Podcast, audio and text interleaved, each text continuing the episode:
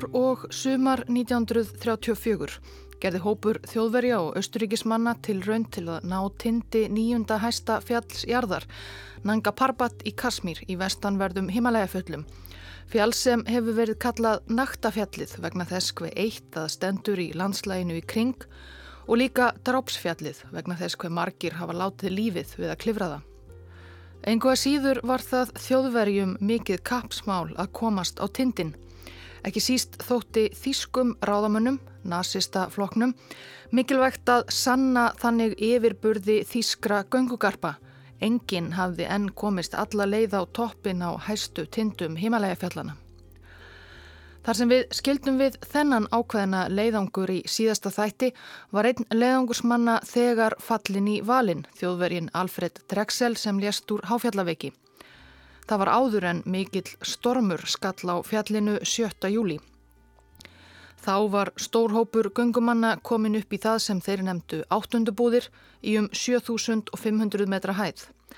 Það voru ekki nema nokkur hundruð metrar í toppin en vegna ílviðrisins var loks ákveðið að þeir yrðu að hörfa.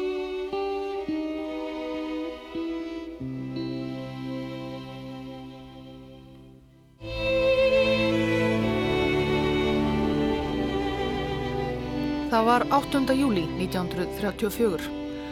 Þarna efst í fjallinu voru þá 16 menn, 5 Evropabúar, þjóðverjar og austuríkismenn og 11 nepalskir serpar, burðar og aðstóðarmenn. Þannig var leiðangurstjórin Willi Merkl, austurísku fjallagarparnir Peter Assenbrenner og Ernst Snæder og þjóðverjarnir Úli Víeland og Villó Velsenbach. Sérparnir 11 voru allir úr smáþorpum í Kumbúdalnum við Rætur Everest. Þeirra á meðal var Angt Sering sem við kynntumst lítilega í síðasta þætti. Einn nánasti klifurfélagi Merkls, Fritz Bechtold, var farin niður í fjórðubúðirnar á fjallinu þegar ílviðrið skall á og gatt lítið að gert fyrir félaga sína fyrir ofan. Síðar skrifaði Bechtold bókum leiðangurinn á Nanga Parbat. Hann greinir þar meðal annars frá því sem að gerðist fyrir ofanan í stormunum þó hann sjálfur hafi ekki orðið vitni að þeim atburðum nema að hluta til. En til eru fleiri frásagnir frá Nanga Parbat sumarið 1934. Bókin Tigers of the Snow eftir Jonathan Neal kom út 2002 og er í henni svo nýlunda að sérstaklega er sögð saga sjarpana á fjallinu með þeirra eigin orðum, ekki bara þeirra kvítu. Níl rætti meðal annars við Angt Sering sem þá var komin hátt á nýraðisaldur en gætt greint skýrt bæði frá eigin reynslu á fjallinu og þeirra félaga hans sem þá voru hortnir yfir móðuna miklu. Eitt þeirra var Passang. Passang er algengt nafn meðal sérpa, karla og kvenna. Það þýðir förstudagur og er gefið börnum sem fæðast á þeim degi. En þessi passang var yfirleitt kallaður Passang Picture, myndapassang.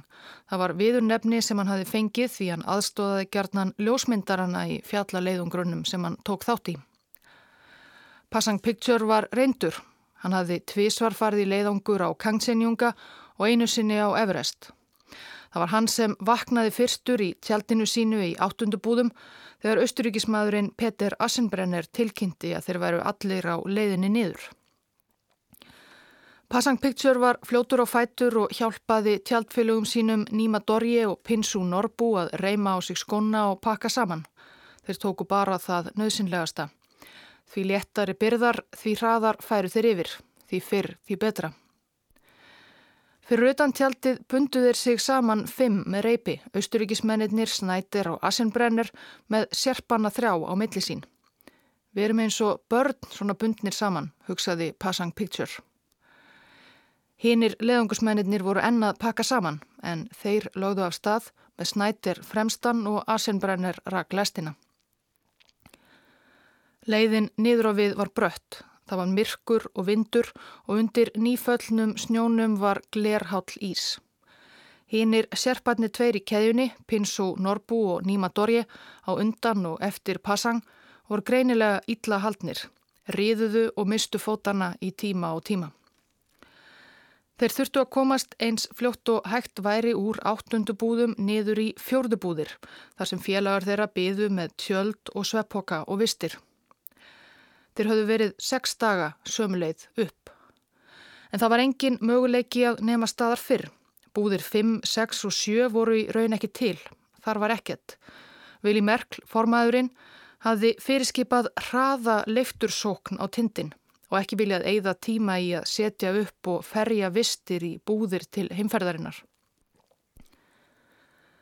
Allt í einu heyrði Passang Picture óp í gegnum vindknauðið. Hann leitt við og trúði varla sínum eigin augum. Vindurinn hafði feikt serpanum fyrir aftanan í halarófinni Nýma Dorje á loft. En bundin í reipið sveifan um 1,5 metra í loftinu og baðaði út höndum og fótum. Hann geti auðveldlega dreyið á alla með sér, ekkert út í svart óveðrið. Passang stökk fram og greipi annan öklan á Nýma. Asinbrenner greipi hinfótin við hnið. Bakpóki Nímadorji feiktist af honum út í buskan og með honum eini sveppókin sem sérparnir hafðu í óðagotinu fyrir um nóttina tekið með sér niður úr áttundubúðum. Það hafðist. Af öllum lífs- og sálarkröftum tóguðu þeir eins fastóðir gátu á móti vindinum og náðu Nímadorji niður í snjóin. Svo lögðu þeir bara aftur af stað. Sögðu ekkert sérstakt. Mennir fimm bundnir saman heldu áfram nokkra stund þar til þeir voru komnir á nokkuð beinan og greiðan norðurrykkin, nálagt þeim stað þar sem þeir eru gist í tjöldum á leiðin upp og kallað sjöundubúðir, en ekkert var eftir af þeim nema eitt tómt tjald og það sástareindar ekki í gegnum hríðarbilin. Allt í einu námu austuríkismennir tveir staðar og fóru að leysa hnútana sem heldu reypinu um mittið þeirra. Serparnir þrýr litu hver á annan hvað í ósköpunum voru þeir að gera. Það kom í ljós nokkrum andartökum síðar. Þeir austurísku tóku af sér bakbókana og dróðu úr þeim skýði. Þeir voru auðvitað með skýði, vanir fjallaskýðamenn. Orðlausir fyldust sérpatnir með Assenbrenner og Snæder spenna á sig skýðin. Ofsareiði kröymaði innra með Passang Picture en það var ekkert vitað reyna að ræða málinn við þessar aðstæður. Sérpatnir voru ekki með neinn skýði Þeir kunnu ekki að nota slík tæki. En austuríkismennir ætliði sér greinilega að skýða af stað niður hrykkin og skilja serpana eftir við dauðan styr. Snæter pataði eitthvað með fingrunum að skilnaði, svo munduðu tvímenningarnir skýðastafina sína og fóru af stað, hurfu snöglega út í myrkrið.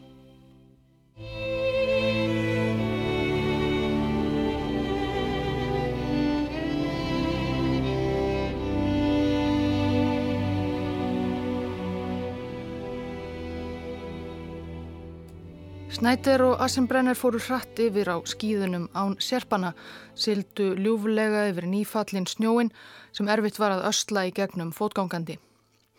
Síðdegist þennan sama dag 8. júli voru þeir komnið niður í fjórðubúðir þar sem byðu þeirra félagar þeirra með póka, tjöld og vistir. Um svipa leiti voru serparnir þrýr sem höfðu fyllt þeim, Passang Picture, Nima Dorje og Pinsu Norbu, að grafa sig í fönn ofar í fjallinu aðfram komnir í vonum að veðrinu færi að slota og að þeir lifðu af nóttina.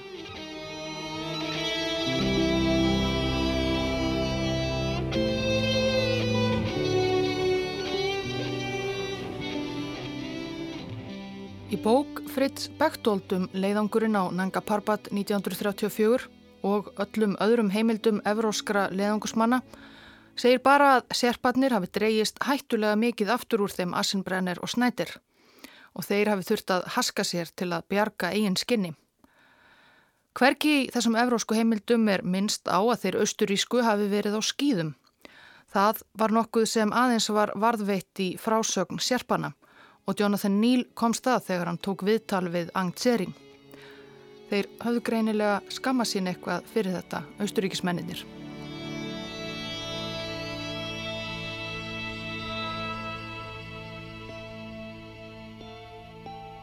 Skömmu á eftir fimmenningunum hafðu þeir sem eftir voru efst á fjallinu lagt af stað niður. Það var fóringin Vili Merkl, tveir kunnir þýskir fjallagarpar, Villó Velsenbach 35 ára og Úli Víeland 32 og átta sérpar, allir bundnir saman. Þeir voru líka flestir íllahaldnir af þreitu, þorsta og hungri, mörgum dögum af þunnu háfjallalofti. Þeir vissu varla hvert þeir stemdu, skignið var ekkert og búið að fenna yfir öll gömul spór frá leiðinu upp. Engur staðar nokkuð fyrir ofan sjöndubúðir, síðdeis gáfust þjóðverarnir upp. Þeir kemist ekki lengra í byli. Yrðu að grafa sér í fönn yfir nóttina. Mennitnir 11 voru með þrjá svepoka. Merkl og Víeland deildu einum, þriði þjóðvergin Vil og Velsenbach tók það á sig að sofa einn á snjónum. Fjórir sérpar deildu hinnum pókunum tveimur, hinnur fjórir sváfu á snjónum. Þegar dagaði 9. júli var sama yllviðrið. Þrátt fyrir sveppokkan voru bæði Willi Merkl og Úli Víeland komnir með kala og hendur eftir nóttina. Og einn serpin, Níma Norbú frá Tame, sama Þorpi og Angsering, hann var dáin.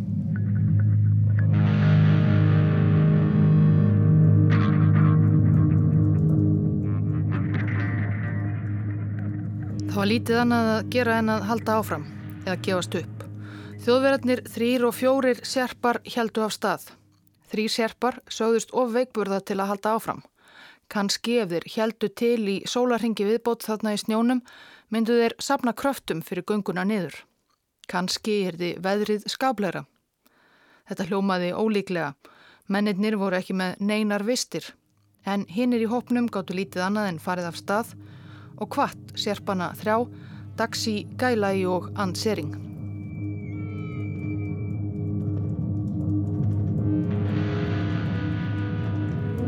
Niðri í fjörðubúðum byðu all nokkrir leiðangursmenn félaga sinna að ofan, fæstir við sérlega góða hilsu eftir allt sem á undan var gengið. Nokkrir reyndu að komast upp aftur í vonum að geta komið þeim fyrir ofan til bjargar, en það var vonlaust. Það hafði snjóað linnulaust í sjö daga og snjórin var allt of djúpur, maður bara sökk. Þeir sáu ekki hvað átti sér stað ofar í fjallinu fyrir óveður skíum og hríð. Nema um 11 leitið 9. júli að það létti í stundarkorn bara örfáur mínútur. Lengst fyrir ofan á hrygnum gáttu mennirnir í fjórðubúðum greint dökka flekki í snjónum, menn á ferð. Þeir voru ekki komnir langt niður og þeir fóru hægt yfir. Einn flekkurinn virtist hafa vilst frá hinnum og dreyjist langt aftur úr. Fritz Bechtold skrifaði Það sem við höfðum ekki sagt uppátt hver við annan var nú orðið hryllilega ljóst. Þarna uppi voru félagar okkar og burðamennir að berjast fyrir lífi sínu.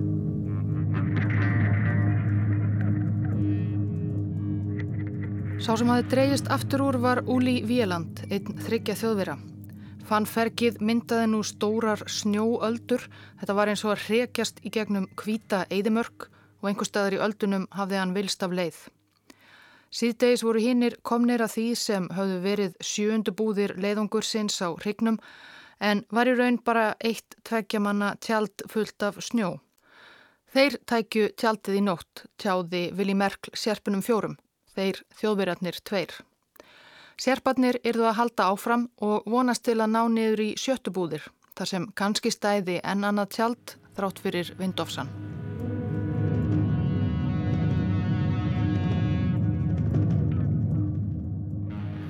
Svo að þeir gengu áfram fjórir sérbarnir Kítar, Dathundu, Nímatassi og annar Pasang, Pasang Kikuli.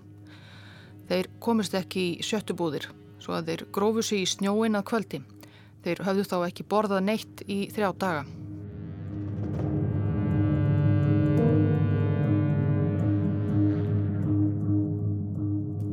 Fjallaklifur var fjölskyldubisnes í mörgum sérpafjölskyldum við rætur himalega fjalla. Tveir þeirra sem löðust til kvílu í snjónum þessa nótt, Kítar og Dathundu, voru tengdafeðgar. Kítar, tengdafæðirinn, var með eldstu mönnum í leðangrinum. Hann hafði gríðarlega reynsluða baki hafði farið fjórum sinnum á Everest og þrís var á Kangsenjunga. Alltaf komist niður aftur. Yngri bróðir Dathundu var líka á fjallinu. Það var Pinsó Norbu, einn þremenningana sem austurísku skíðamennir höfðu skilið eftir. Þegar Dathundu vaknaði svo næsta morgunin 10. júli, þeir lifiðu af nóttina í snjónum allir fjórir og batt sig við félaga sína til að halda ferðinni áfram Baðan þess innilega að litli bróðir væri þegar komin niður. Hann hafi farið á undan, hann hlaut að vera komin niður.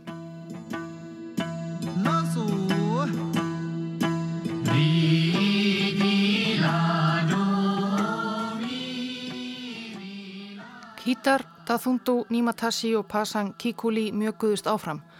Þeir voru allir veikbörða eftir enn eina nóttina í kuldanum. Tathundu var sá hraustasti þeirra, dró hina einlega áfram. Sjálfur kæmist hann öruglega niður á endanum, hugsaði hann líka, en hann var ekki viss með félaga sína. Skindilega sá hann móta fyrir einhverju í gegnum fannferkið. Það var mannvera og Tathundu sá hver þetta var. Littli bróðir hans Pensu Norbu. Hann var þarna, bundin við tvo aðra sérpa, Passang Picture og Nima Dorje. Dathundu faðmaði bróður sinn að sér en fyltist um leið reyði yfir því að hann væri enn svona hátt uppi á fjallinu. Og hvar voru austuríkismennir sem höfðu verið með þeim? Passang Picture talaði, hinnir voru of þreytir. Hann saði frá því að það væru tveir dagar liðnir síðan austuríkismennir skildu þá eftir og skýðuðu burt. Þeir höfðu lítið komist síðan vilst og sofið tvær nætur í snjónum. Dathundu varð enn reyðari. Þessa austuríkismenn, hugsaðan, skildi hann hata það sem hann ætti eftir ólifað.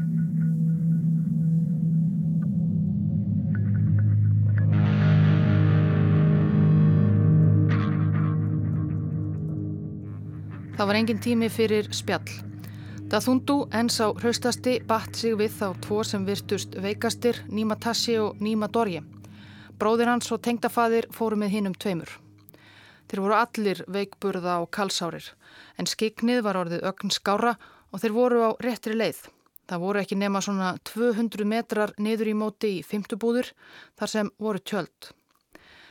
Þetta var brattur kapli og á leiðinu upp höfðu göngumennir fest reypi í klettana til að halda sér í.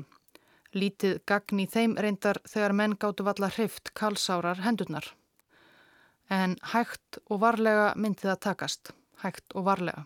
Það var svo stutt. Þegar sérparnir voru komnir um hálfa leið með fram reipunum sást glitta í tjöldin í fymtubúðum. Kítar, tengdapappi, Pinsu, bróðir og pasangarnir tveir, Picture og Kikuli fóru fyrstir, það þundu og nýmatnir tveir á eftir.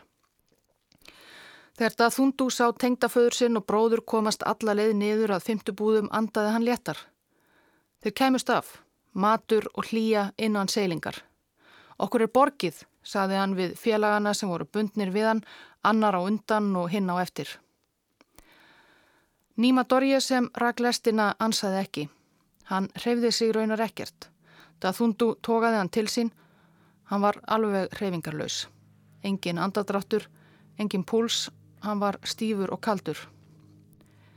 Árið áður hafði Nýma Dorje farið með stórum breskum leiðangri á Everest og þá farið upp í um 8400 metra hæð, hærra en hæsti tindurinn á Nanga Parbat. En þarna var hann dáin.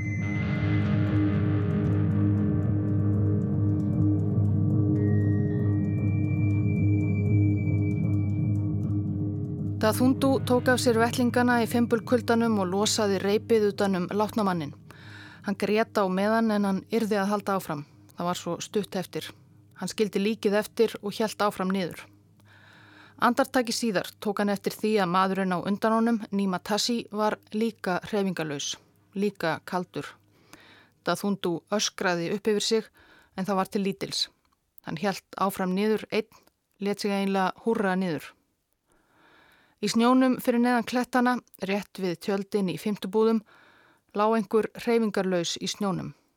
Kítar tengdapappi stóð yfir honum og hristi hausinn í áttað daþundu.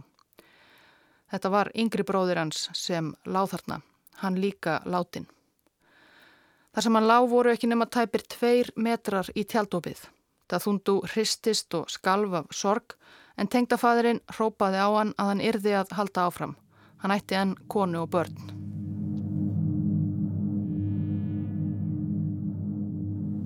Vesalingsmennir voru algjörlega að niðurlótum komnir, að því komnir að gefa upp öndina.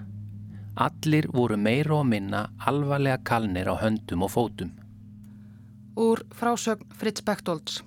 Rétt fyrir neðan fymtubúðir mætti serpunum hópur manna úr fjörðubúðum sem hafði séð þá á leiðinni niður og brotið sér leiði gegnum djúpan snjóin.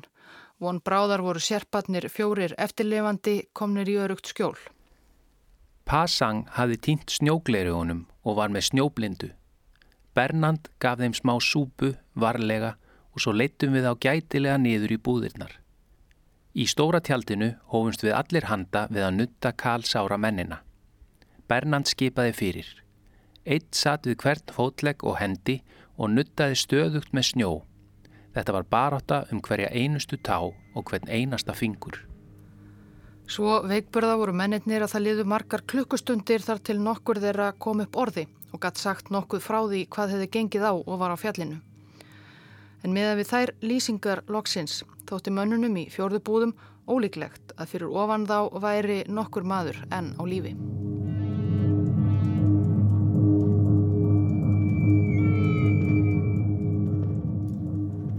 Það var ránt.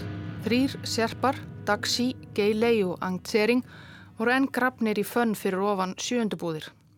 Þeir höfðu verið þar í tvo daga þegar félagar þeirra komist niður í fjörðubúðir, ekki treyst sér til að halda áfram en enn á lífi. Tveir þeirra, Geilei og Angtsering, voru ekki það veikburða en Angtsering hafi líka tínt glerugunum sínum og var með snjóblindu. En hann vissi að það myndi ganga yfir og beigð. Loksins eftir þriðju nóttina, morgunin 11. júli, var Angtsering komin með örlittla móðukenda sjón á nýjanleik. En þá var Daxi orðin svo gott sem örmagna. Það var lítið annað að gera fyrir þá Ang og Geilei en að skilja hann eftir. Kanski, sagði Angtsering sér, gæti hann náði hjálp í tæka tíð. Ang og Geilei báðu til fjallaguðsins og heldu af stað.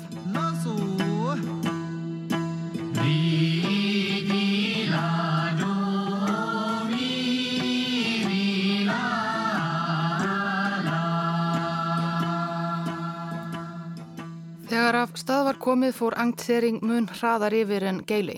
Geili var 45 ára og í sinni fyrstu fjallaferð. Á endanum misti Ang sjónar á honum fyrir aftan sig, en hann hjælt bara áfram. Í snjóöldu eðimörkinni fyrir ofan sjöndu búðir gekk Ang fram hjá líki þjóðverjan sem hafi vilst úli Víeland. Hann hafi örmagnast bara einhverja 30 metra frá tjaldinu þar sem Vili Merkl og Villó Velsenbach höfðu leitað skjóls. Þegar Ang náði þangað höfðu þjóðverjarnir hýrstar í á þriðja dag. Tjaldið var enn fullt af snjó, þeir höfðu ekki orku til að móka honum út, lágu bara. Sjöndu búðir 10. júli. Til göngumannana milli búða 6 og 7, sérstaklega læknisins. Villó Velsenbach hafði hripa niður þetta bref, óvist handa hverjum því það voru engir göngumenn á lífilengur ofar fjörðubúðum nema þeir. Við höfum leiðið hérna síðan í gær þegar Úli Víland týndist á leðinni. Við erum báðir veikir. Tilraun til að komast nýður í sjöttu tókst ekki vegna almennrar þreitu. Ég, Villó, er öruglega með bronkítis, kverkabólgu og influensu. Villi er örmagna og kalinn á höndum og fótum.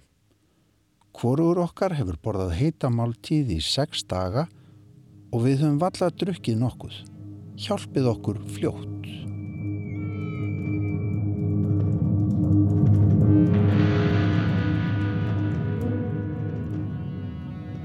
Villó gætt lítið tjá sig um brefið. Hann lá bara nötrandi í tjaldinu og Angtsering sá að hann gætt ekki átt langt eftir. Hann lagði því að fóringjanum Vili Merkl að koma með sér af stað áfram niður. Þeir máttu engan tíma að missa.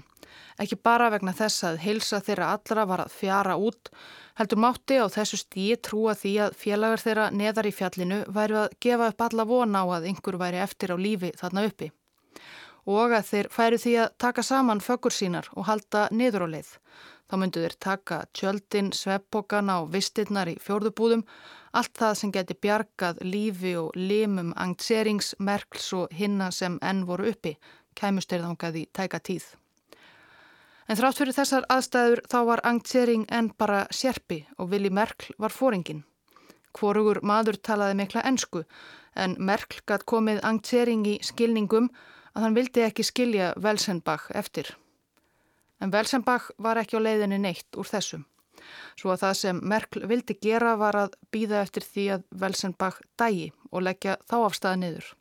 Ef enginn kæmi í millitíðinni að bjarga þeim skilja hann allavega ekki eftir með lífsmarki. Þar sem að Angtsering veldi möguleikunum fyrir sér Átti hann að skilja við fóringjan Merkel og halda bara áfram niður einn eða nema staðar þarna og þá hversu lengi, þá sá hann glitta fyrir aftan sig í hins sérpan Geilei sem hafi dreyist svo mjög aftur úr, en hann var enn á gangi og nálgæðist hægt. Hann gæti ekki skilið hann eftir líka bara til að bjarga einn skinni, svo angtsering ákvaðað nema staðar.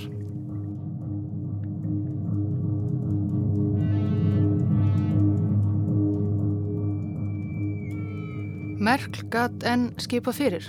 Hann skipaði angtsering að móka snjónum út úr tjaldinu. Svo komu þeir Viló Velsenbach sér aftur fyrir þar inni. Angtsering og Geilei, þegar hann komst allarleið til þeirra, máttu sofa úti þessa næstu nótt í snjónum, ekki með sveppoka eða neitt. Sjerpar og vinnveitundur þeirra deildu aldrei í tjaldi. Þegar dagaði var veðrið orðið ögn betra. Örlítið minni vindur, betra skegni. Mennirnir í sjöndubúðum gáttu þá séð loksins alla leið niður í fjörðubúðir. Þar voru greinilega einhverjir á hreyfingu. Nú ættum við að haska okkur niður, saði Angtsering. En Merkl neytaði aftur. Velsenbach tórði enn og mennirnir þarna niðri þeir hlítu að vera að koma að hjálpa þeim.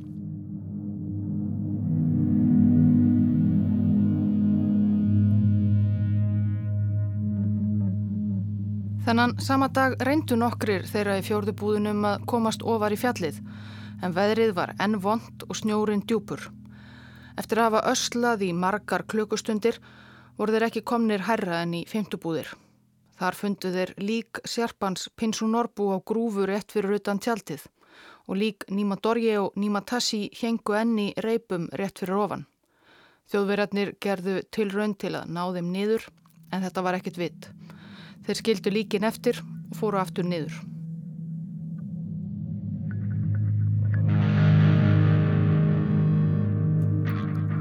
Dægin eftir, 12. júli, var farið með kalsáru sérpana fjóra Dathundu, Pasang Picture, Pasang Kikuli og Kítar úr fjörðubúðum niður í grunnbúðir.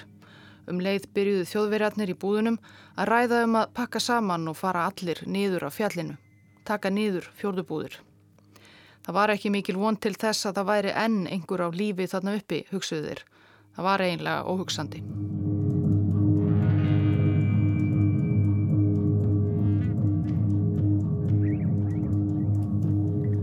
Að kvöldi sama dags fjaraði líf Villós Velsenbach-Lóks út í tjaldinu í sjöndubúðum.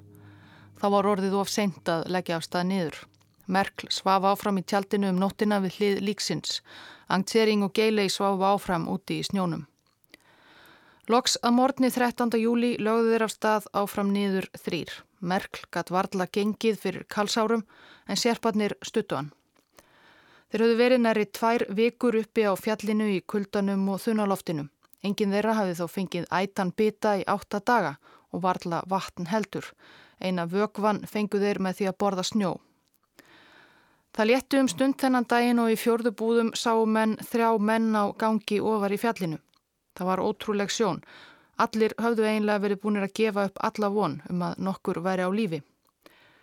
Þeir voru bara tveir eftir í fjörðu búðum, austuríkismennir Assenbrenner og Snætir á samt nokkur um serpum. Þeir voru sjálfur orðnir lúnir og lögðu ekki í að fara ofar í vonum að mæta mönnunum. En þeir byðu.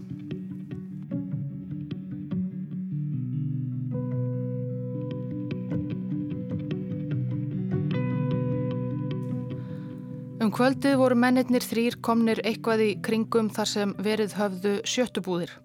Þar var ekkit að finna, svo þeir sváfu í snjónum allir þrýr. Um nóttina bað Angtsering aftur til fjallagvöðsins að bjarga sér. Til Kumbila, guðsins í samnemdu fjalli sem trónir yfir heimaþorpi hans í Nepal.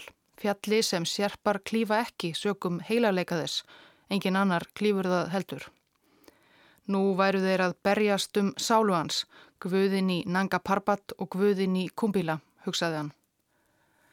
En hann hugsaði líka um að það væri alls ekki víst að Merkl, þjakaður eins og hann var, kæmist alla leið niður í fjórðubúðir á morgun. Og ef þeir kæmist ekki á morgun, væri öruglega úti um þá alla.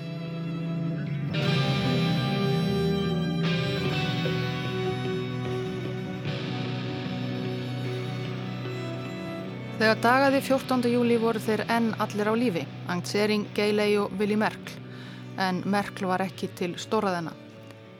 Far þú niður, saði Angt Sering við Geilei og reyndu að ná í hjálp. Ég verð hér hjá fóringjanum. En samkvæmt frásögn Angt Sering neytaði Geilei þessu. Hann skildi frekar vera hjá Merkl og Ang fara niður. Og endanum fjælst Angt Sering á það. Hann lagði af stað niður. Síðar átti hann eftir að sjá eftir þessari ákverðun.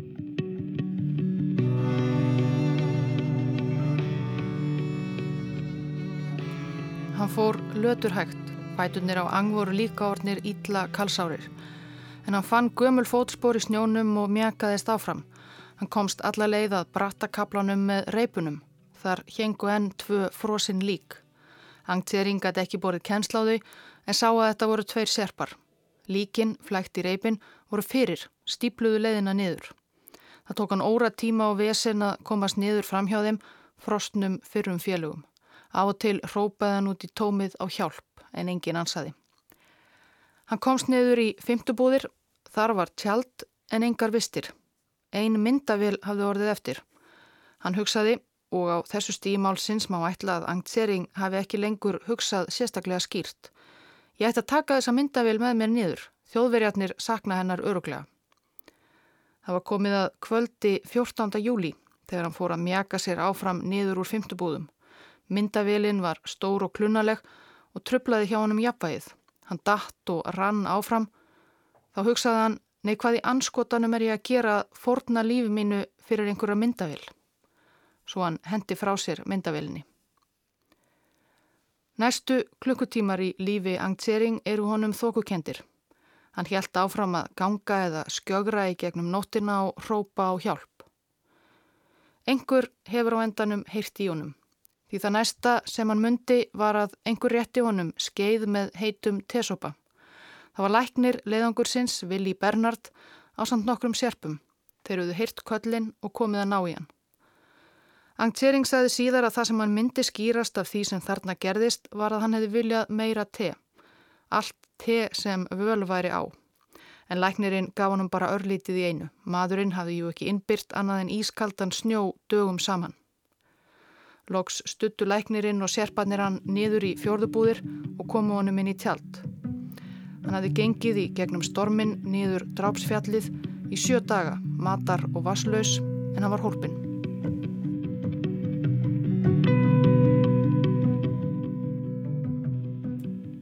Ang sagði liðinu í fjörðubúðum að Merkl fóringi og sérpinn Geilei væri örglega enn á lífi, enn ofar í fjallinu það yrði að bjerga þeim.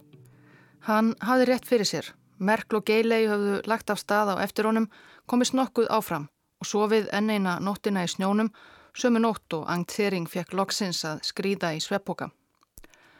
Þá um morgunin mátti greina niðri í fjörðubúðum berast með vindinum ofar af fjallinu óljós hróp. En hvaðan þau komu var erfitt að segja. Mennirnir í fjörðubúðum gerðu nokkrar tilraunir til að fara ofar í vonum að rekast á þá sem hrópuðu. Það hlutu að vera Merkl og Geilei en veðrið var vond og allir voru ornir örþreytir. Síðasta tilurunin var gerð 17. júli. Tveir vísindamenn sem höfðu fyllt fjallgöngumönnunum voru ekki miklir göngumenn sjálfur, jarfræðingur og landfræðingur, voru komnir upp í fjörðubúðir og reyndu þá að komast upp í þær fymtu. En snjórin var metra djúpur og þeir neytust til að snúa við. Þá hafði heldur engin hirt neyn róp og köll af fjallinu í meira en sólarhing. Mennirnir heldu niður í grunnbúðir. Fyrir utan tjöldin okkar eru blómin í blóma og maður getur teikt sig eftir þeim úr sveppókanum. Í bjartri morgunsólinni hverfa myrkar minningar um óveðustaga á fjallinu í stundarkorn úr hugum okkar. Fritz Bechtold ritaði svo síðar í bóksína um leiðangurinn. Fjórir þjóðverjar höfðu dáið á fjallinu og sex serpar. Þegar kvöldar söpnust við saman í kringum varðeldin og nú er þeir aftur með okkur. Willi, Úli, Villó og Alfred, blíðir og hjartareinir, viljasterkir, halda fast fram til sigurs. Við minnumst gladlegra andlita þó þeir hafi verið karlmenni og göngugarpar og í samræðum okkar kemur ítrekað upp spurningin hvers vegna allt þetta?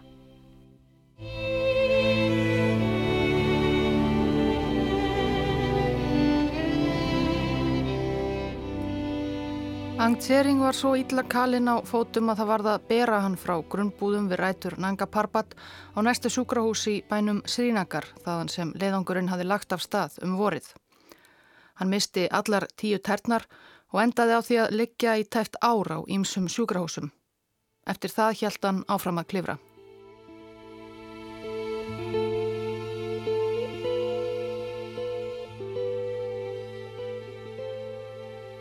Það var sorg og harmur á mörgum heimilum í Tungsung Bústi. Tungsung Bústi var hverfið í Darjeeling á Indlandi þar sem margir serpar byggu. Þar á meðal fjölskyldur þeirra sem létust á Nanga Parbat sumarið 34. Og þar bjó einnig maðurum tvítugt sem síðar skrifaði þessi orði sjálfsæfisögu sína áratugum síðar.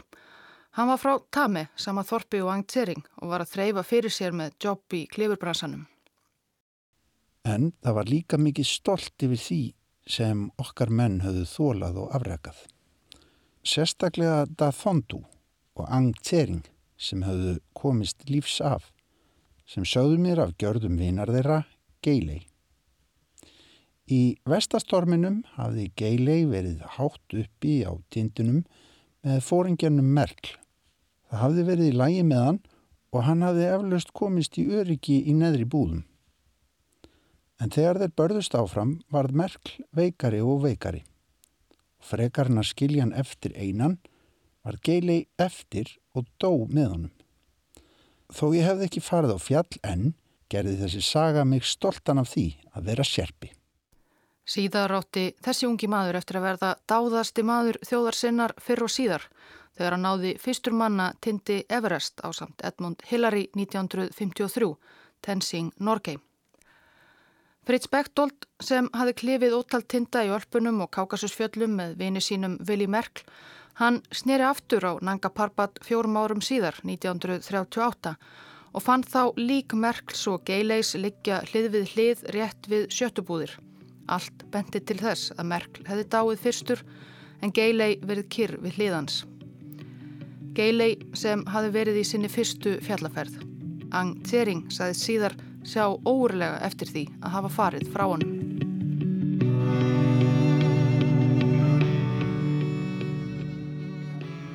Flestir serparnir sem lifðu af heldu áfram fjallavinnu.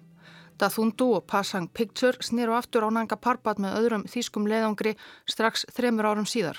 Pasang lést þá í snjóflóði sem fjall á fjóruðbúðir með 15 öðrum. Nanga Parbat, the eighth highest mountain in the world has been climbed at last. Herman Búl, austuríkismadur, náði tindi Nanga Parbat fyrstur manna 1953. Hann fór einn á toppin. Þá þegar hafði 31 maður látið lífið við að reyna að sigra naktafjallið. Kítar, elsti sérpin á fjallinu 34, lést við rætur fjallsins Nanda Devi tveimur árum síðar. Hinn Pasangin Pasang Kikuli lést á hinnum Ílvíga K2 1939 þegar hann reyndi að bjarga óhæfum bandarískum göngumanni Dölli Wulf sem var fastur í tjaldi sínu nærri tindi fjálsins. Hvoruður þeirra komst af. Ang Tjering hjælt sem fyrr segir áfram að ganga á fjöll. Alveg fram á 60-saldur. Þá lagði hann gönguskona á hilluna. Hann lést 2002, 98 ára að aldri.